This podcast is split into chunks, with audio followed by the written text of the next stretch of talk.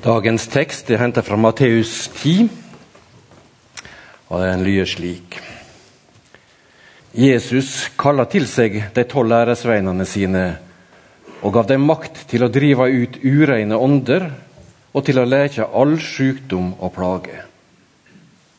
Dette er navnene på de tolv apostlene.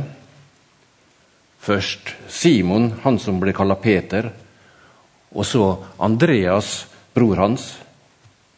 Jakob, sånn til Sebedeus og Johannes, bror hans. Philip og Bartlomeus. Thomas og tolleren Matteus. Jakob, sønn til Alfeus og Tadeus. Simon, Kananeus og Judas Iskariut, han som sveik han. Disse tolv sendte Jesus ut, og han bød dem. Ta ikke veien til heidningene, og gå ikke inn i noen av samaritanbyene. Gå heller til de bortkomne sauene i Israels hus.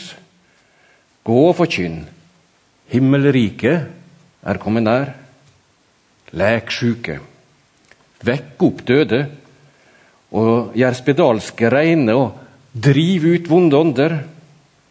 Gi som gave det som de fikk som gave. Skaff dere ikke gull eller sølv eller koppermynter til å ha i beltet, og heller ikke væske til ferde. Ikke to kjortler, ikke skor og ikke stav. For en arbeider er verd maten sin. Når dere kommer til en by eller en landsby, så spør dere føre hvem som er verdt å ta imot dere. Hos han skal det være til det fer videre. Og når dere kommer inn i huset, skal det helse det med fred. Er huset verdt det, skal freden komme over det. Men er huset ikke verdt det, da skal freden vende tilbake til dykk. Er det noen som ikke vil ta imot dykk og ikke vil høre på budskapen dykkar, da skal det gå bort fra det huset eller den byen og riste støvet av føttene. Slik lyder Herrens ord.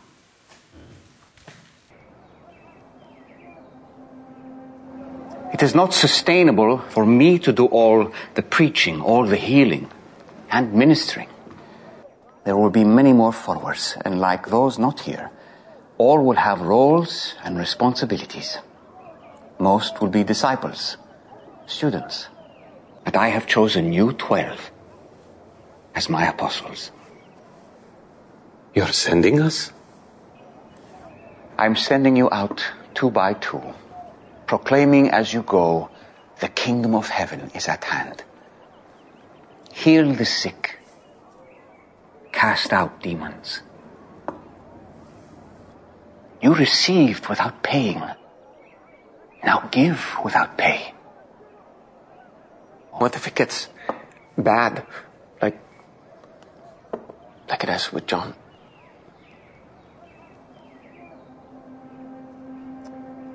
Listen carefully, all of you. Do not fear those who kill the body but cannot kill the soul. So, you're saying we could die? There will come a time when this will become far more difficult. When persecution is an ever present part of your ministry. When that time comes, you will follow in my footsteps and you will know what it actually means to give up your life. Dagens offisielle kirkeårstekst er lignelsen om arbeiderne i vingården. Det er den barnegruppen har fokus på, og dere fikk et uh, glimt av den fortellingen godt presentert av uh, barnepastor Raimond i begynnelsen av gudstjenesten. Og Det er altså en lignelse av Jesus om Guds rike som bryter med de fleste sånne menneskelige ryggmargsreflekser. Og Her har altså noen jobbet og slitt hele dagen, mens andre har jobbet bare én time. Og likevel får alle utdelt akkurat det samme. Én dagslønn, én denar. Og Lignelsen den avsluttet altså på denne måten. Han vendte seg til en av dem og sa.: Venn, jeg gjør deg ikke urett. Ble du ikke enig med meg om en denar? Ta ditt og gå, men jeg vil gi ham som kom sist, det samme som deg. Har jeg ikke lov til å gjøre som jeg vil med det som er mitt, eller ser du med onde øyne på at jeg er god?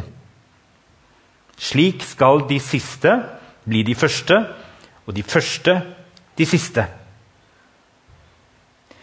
Også temaet som vi har valgt som hovedtema for denne gudstjenesten, for dere voksne, den handler om arbeiderne i Vidgården. Men vi har altså tatt utgangspunkt i The Chosen-serien, episode 2. Og det fokusklippet der Jesus snakker med, eller forteller og forbereder de tolv første disiplene på å bli sendt ut i oppdrag. Vi har kalt dette temaet for 'Sendt to og to'. Men det er to setninger i teksten fra Matteus 10 som også delvis er omtalt her i episodeklippet. og Det er 'Gi som gave det dere fikk som gave'. Og 'en arbeider er verdt sin lønn'. De to setningene kan dere merke dere. Denne talen den skal ikke handle om politiske ideologier eller retninger, selv om det snart er valg. Den skal ikke handle om det politiske systemet skal være kapitalistisk eller kommunistisk, selv om denne lignelsen om arbeideren i vingården nok har blitt tatt i inntekt for slike ting i historien. Det er jo de som har forsøkt å bygge hele samfunn på den lignelsen. Det har sjelden fungert helt etter intensjonene. Jeg skal ikke forsøke å si at det er det Jesus mener. Men jeg tror denne lignelsen har mye å lære oss om menneskeverd og om rettferdighet i samfunnet. Men det er en rettferdighet og en måte å tenke likeverd på som fortsatt er unaturlig for veldig mange mennesker. Og det er verdt å ta med seg. Guds rike er annerledes enn verden. Vi skal snakke noe om, eh, nå, om noe av det forunderlige som skjer når vi får lov til å bli med på det Jesus gjør når vi får lov til å være aktører i å se at Guds rike bryter gjennom i denne verden. Men først så vil jeg at jeg skal ta med tre setninger fra disse to tekstene som vi har vært innom nå. Tre setninger. Og det er først disse to som jeg har nevnt. De siste skal bli de første, og de første de siste. Gi som gave det dere fikk som gave. Og den tredje setningen en arbeider er verdt sin føde. Underforstått det du trenger for å leve, det har du rett på. Uansett hvor mye eller lite du arbeider. Det du trenger for å leve, har du rett på uansett hvor mye eller lite du arbeider. Jeg vil, Dere skal nærmest memorere disse setningene. Fordi denne episoden fra The Chosen den har en tendens til å rette fokuset hos mange av dere et annet sted. Ikke alle av dere, men hos en del av dere så hender det at fokuset deres dere trekkes mot noe i denne episoden og i denne teksten som er lest, som jeg tror av og til er litt sånn kontraproduktivt. Dere trekkes mot det å virke og arbeide for Jesus. Være på oppdrag for Jesus. Og For noen er det manna å høre om det igjen, og for andre så er det alltid det samme som skjer. At jeg ser, jeg ser nedover dere når vi begynner å snakke, ha sånt, altså, Se hvordan skuldrene begynner sånn. Og Så sitter dere mer og mer sånn underveis i talen, og så er dere sånn når dere går ut. Og Hver gang vi har det oppe som tema i bymenigheten, så skjer det samme. For dere hører krav til å gjøre mer, til å sette av mer tid, til å leve mer radikalt og til å gi mer penger. Til å gå all in og til å ofre for Guds rike. Og Da er det akkurat som om måte, salen deler seg litt sånn omtrent i to, eller en tredel og to tredel. For det er egentlig lenge siden mange av dere er blitt motivert av et sånt budskap.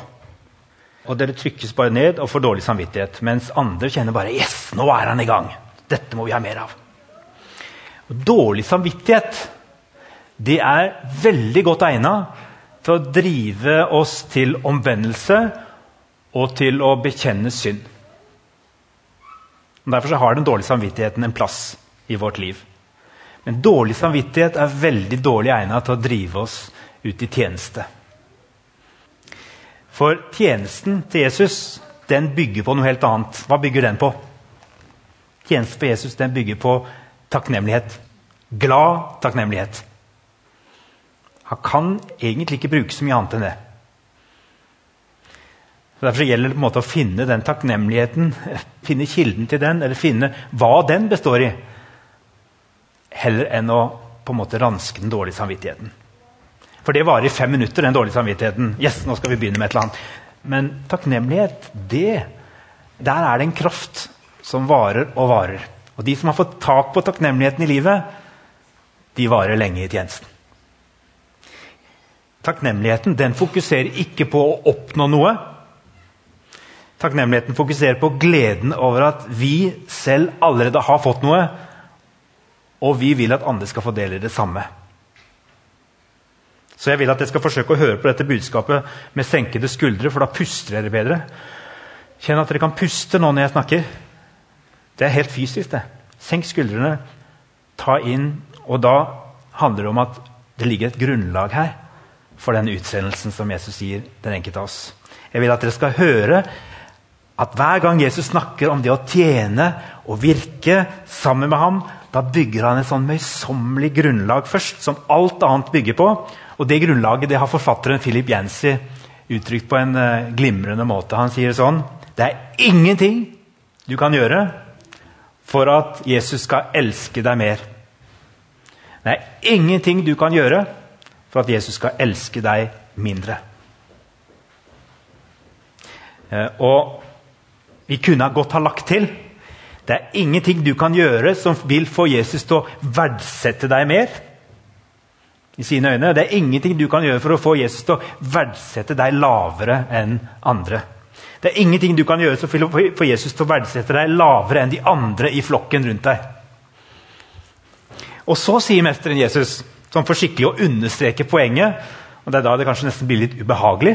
Han sier fordi mange av oss tror jeg, har en tendens til å legge relativt mye av vår egen verdi i det vi gjør og bidrar med, og den plassen vi syns vi har i Guds rike, eller ikke har i Guds rike, så sier han husk, de siste skal bli de første. Jeg vet om mennesker, litt for mange mennesker, gjennom årene vi har fungert som menighet, Bymenigheten Sandnes. Det er snart 25 år. Litt for mange mennesker har slutta helt i Bymenigheten Sandnes. Fordi de ikke lenger orket å delta så ofte, ikke orket å bidra i tjeneste eller ikke hadde mulighet til å gi så mye som de hadde gjort tidligere, eller som de syntes de burde gjøre. Og selv om ingen hadde sagt det direkte, så gikk de rundt med denne følelsen av at for å være med her, så må man bidra. Og helst ganske mye. Jeg har hørt det ganske mange ganger. Eh, hvem har sagt det? prøver jeg å si. Nei, men det er en sånn følelse av at Skal man være med her, så må man bidra, og ganske mye.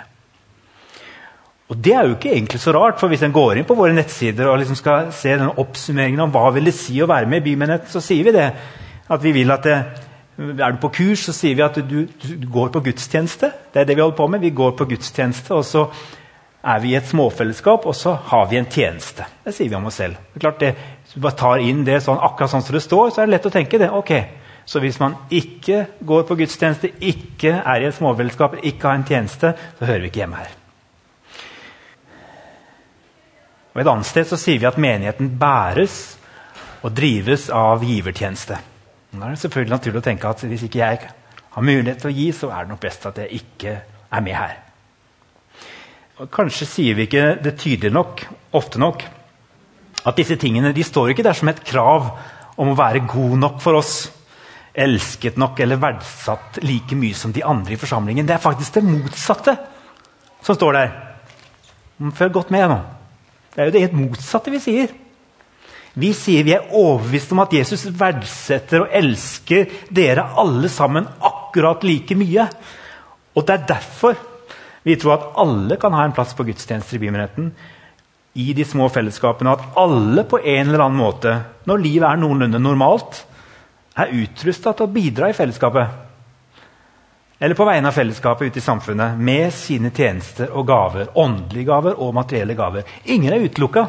For vi tenker at her kan alle ha en verdi og bidra med det de har fått. Men det har utgangspunkt i at vi tror at vi alle er like elska og like verdifulle.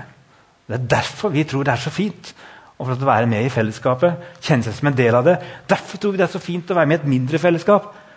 Og lære mer om hva det vil si å være etterfølger i denne vanskelige, urolige tida vi lever i. Og Derfor så tror vi at alle sammen på et eller annet vis har en tjeneste for Gud i vår tid. Det er ganske stor og viktig forskjell. Å ha rekkefølgen på rett plass. Fordi Jesus først ser oss, elsker oss, reiser oss opp, og noen ganger så drar han oss ut av det livet vi lever som har havna på avveier. Det er etter alt det der at han sier 'Jeg har bruk for deg', men gå med lave skuldre og ikke for mye bagasje, sier han. Reis lett for, for det du trenger, det skal du få underveis. Du får ikke alt på forhånd. Hvis du sitter der på stolen og venter til du har fått alt du trenger for å gå i tjeneste, så kommer det aldri til å skje noe. Du må reise deg og prøve å gå noen skritt. Han sier ta ikke med deg altfor mye på ryggen og i bagasjen din. Ikke stol for mye på det du har fått. For det kan hende at jeg trenger å gi deg noe underveis og helt nye ting. Og dessuten, både når det gjelder materielle ting og utstyr og alle mulige slags hefter og fantastiske virkemidler som vi kan ha i Guds rike, de kan dessverre ha en tendens til å komme i veien for Jesus. Og til at vi begynner å tro at det var det vi trengte for at folk skulle bli overbevist om at han finnes og lever her i dag. Og Derfor kan det være nyttig å høre Jesus si reis lett. Ikke ta med dere for mye. For det dere trenger, det kommer til å bli gitt dere underveis. Det er utrolig vanskelig å stole på det, men det er utrolig viktig. Er det en seremoni, en innvielse jeg har gått glipp av her? sier en av disiplene. I filmklippet, da. Nei, det er det ikke, sier Jesus. Men jeg føler ingenting, sier han. Da sier han som spiller Jesus, det behøver ikke å føle noe spesielt for å gjøre store ting for meg. Men den går til alle de av oss som på en måte lett sammenligner oss med de som har de sterke opplevelsene. Og jeg tror det er ganske sjelsørgerisk sagt av rollefiguren her i filmen. Selv om det ikke står akkurat sånn i Bibelen, så jeg tror mange trenger å høre det. Det var ikke sånn at du skulle føle eller oppleve noe veldig sterkt. Det kommer godt med.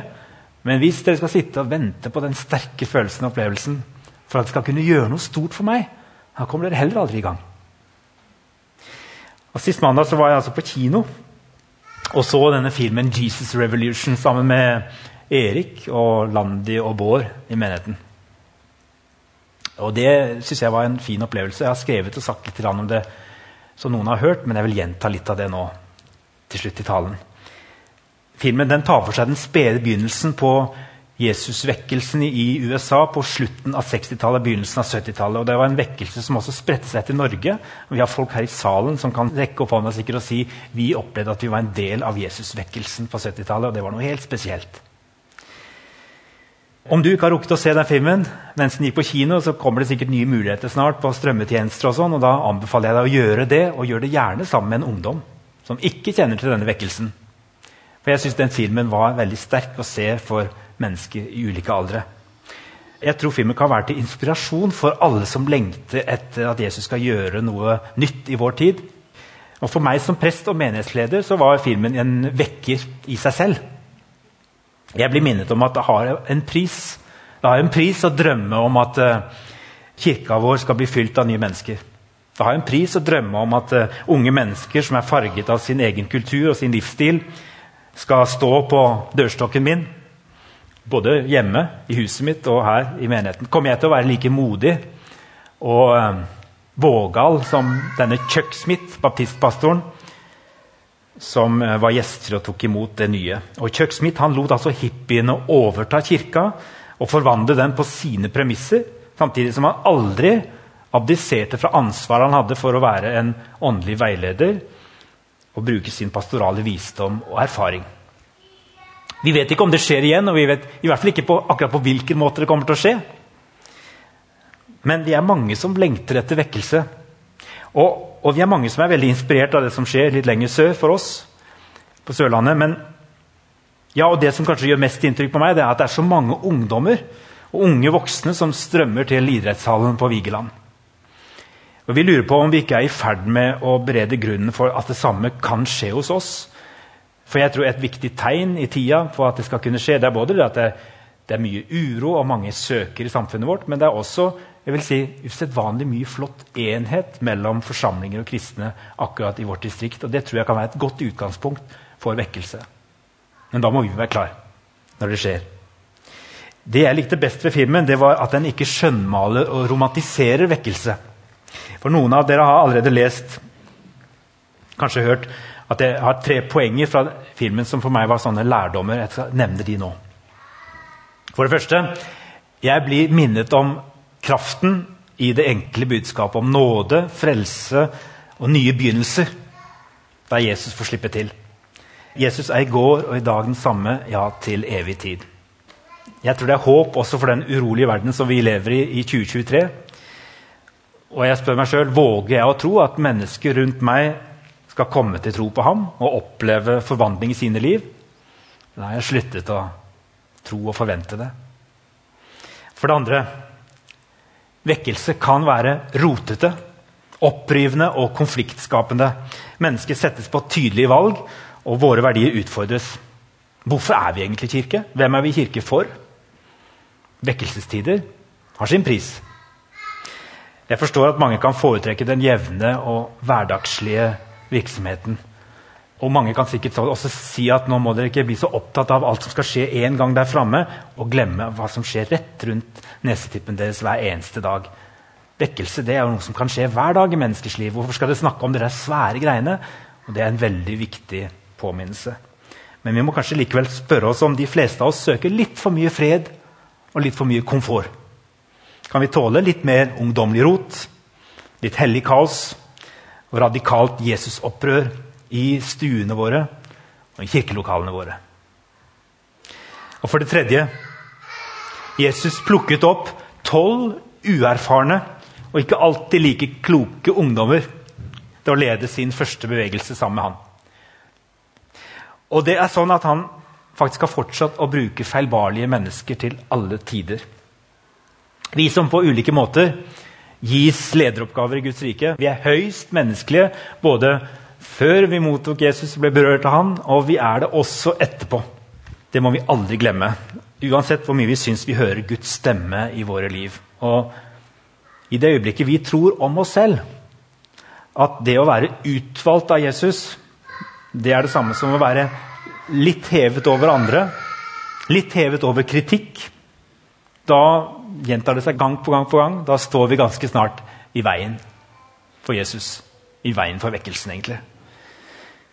Da må vi før eller siden ydmykes og beskjæres. Mer enn noen andre så trenger kanskje vekkelsens kvinner og menn, ledere, de som på en måte får nåde til å være med blant de som står i den type vekkelse, relativt ofte så må de beskjæres og ydmykes. For vi må våge både å gi hverandre tillit og slippe til det som kan virke nytt, det er kanskje det viktigste de fleste av oss trenger å høre. Gi hverandre tillit og slipp til det som er nytt. Men vi må også våge å bli utfordra og veiledet og om nødvendig tre til side eller gå videre. Dette er det som tjener evangeliets sak. og Det minner også den filmen litt om. For det måtte både den unge, karismatiske hippielederen Lonnie Frisbee og den aldrende pastoren Chuck Smith lære. Hver på sin måte. The hard way før de kunne fortsette sin tjeneste. Og de forble bare mennesker helt til sin død, men de ble også brukt. Om du er ung eller gammel, om du er full av forventning, om du er realistisk, om du er skeptisk Jeg har ett ønske for deg. Og det er at du skal be om at Jesus forbereder deg på akkurat det som skal være din plass og din tjeneste i fellesskapet når nye mennesker kommer til tro på Jesus i vår tid. På nye måter på måter vi kanskje ikke forestilte oss. Og vær så snill, la oss få slippe dette falske tankegodset om at det er noen som spiller på A-laget og noen som spiller på B-laget. At de som kjenner og føler og opplever og gjør tilsynelatende mye mer enn andre, at de som hører Guds stemme litt ekstra, at de er viktigere enn andre. At det er de som er begeistrede og entusiastiske, som som først og fremst kan brukes. For den tanken den leder så fryktelig lett til at mennesker slutter å komme Aktive troende mennesker slutter å komme, for nå er det visst noe nytt på gang. og det, det er, det er vi, det er, vi er ikke en del av den vekkelsen. Vi var kanskje del av en vekkelse i ungdommen, men dette er ikke vi med på. Så da får andre ta over. Ja, Det får bli dem nå. Ja, det er så mye. Og dette har vi sett i bymenigheten flere ganger. De innbiller seg at det er noe nytt på gang. så nå, ja, ja, Men det er fint, da kan noen andre nå ta over. De virker så entusiastiske og begeistrede. Det er nok ikke bruk for meg lenger. Og kanskje er den følelsen reell, fordi dere er blitt skjøvet ut eller ikke blitt brukt på den måten dere ønsket. Men vær så snill, la oss slutte med dette A og B og C og D-laget. La oss slutte å sette oss på sidelinjen. Men la oss heller spørre oss hva er det du gjør i vår tid, hva er det du gjør i min livsfase. Og et eller annet kan vel jeg gjøre, Jesus? Og så må vi tåle hverandre. Må vi tåle at vi tenker forskjellig om ting og kanskje vil litt forskjellige ting. Og sånn har det vært til alle tider i denne rotete disippelgjengen. Teksten i dag minner oss også om at Jesus fortsatt kan overraske. For det var ingen av disse disiplene eh, som trodde at noe skulle skje når de la hendene på folk uten at Jesus en gang var synlig til stede. Jeg tror ikke noen av dem trodde det kunne skje. Men det skjedde. Og han har gitt denne fullmakten til alle oss som kaller oss Jesu venner og disipler. Så hva om flere av oss begynner å fortelle mennesker at Jesus er nær? Hva Om dere gjør det i løpet av de neste ukene? Jeg vet at noen av dere vil si jeg er best med handlinger. Er ikke så god med ord. Det er greit, men, men ikke sett de tingene altfor mye opp imot hverandre. Det skal være både ord og handling. Hva om du begynner å leve som om Jesus er nær, og si at han er det? Og at han vil flytte inn i huset hvis de slipper han til. Spør vennlig og høflig om dere får lov til å be for folk som har det vanskelig pga. sykdom eller tunge ting, enten her og nå mens de er til stede, eller hvis du merker at det kanskje er litt fremmed og vanskelig, så spør om det er greit at du ber for dem seinere, når du har din stille stund. Så vil jeg like å høre hvor mange som vil oppleve det ubehagelig at dere spør om det.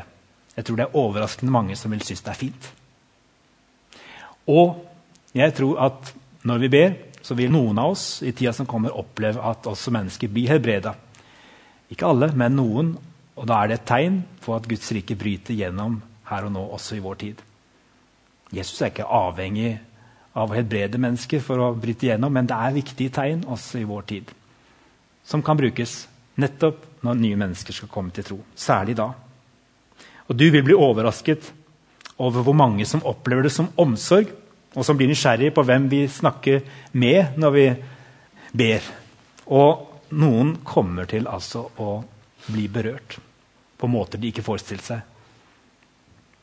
Og jeg har lyst til at dere skal komme hit og fortelle om det som skjer der ute. Nå skal vi fortelle disse vitnesbyrdene til hverandre. For eh, jeg tror da kan mer skje. Men ikke fordi vi er spesielt flinke eller ber eller opplever, fordi Jesus er i går og i dag den samme. Ja, til evig tid. Etter at Jesus har sendt de første tolv ut i oppdrag, sender han 72 ut på samme måte. Dette står det skrevet om i Lukas 10, og så står det om dem da de kom glade og entusiastiske tilbake og sa begeistra. Ta med deg den teksten til slutt. Herre, til og med de onde åndene er lydige når vi nevner ditt navn. Da sa han til dem, jeg så Satan falle ned fra himmelen som et lyn. Ja, jeg har gitt dere makt til å tråkke på slanger og skorpioner og makt over alt fiendens velde. Ingenting skal skade dere, og likevel Gled dere ikke over at åndene lyder dere men gled dere over at navnene deres er blitt innskrevet i himmelen. I samme stund jublet han i Den hellige ånd og sa, Jeg priser deg, Far, himmelens og jordens Herre, for du har skjult dette for vise og forstandige, men åpenbart det for umyndige små. Ja, far, for dette var din gode vilje.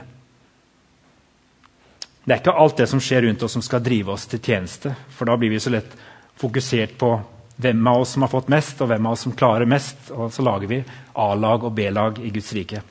Det er gleden og takknemligheten. Gleden og takknemligheten over vennskapet med Jesus og det han har gitt oss. Det er det. Takknemligheten over at vi har våre navn skrevet i himmelen. Det er det som driver oss. Det er det som skal være kraften og motivasjonen til å gå. Så gå! Gå med lave skuldre og bankende hjerter.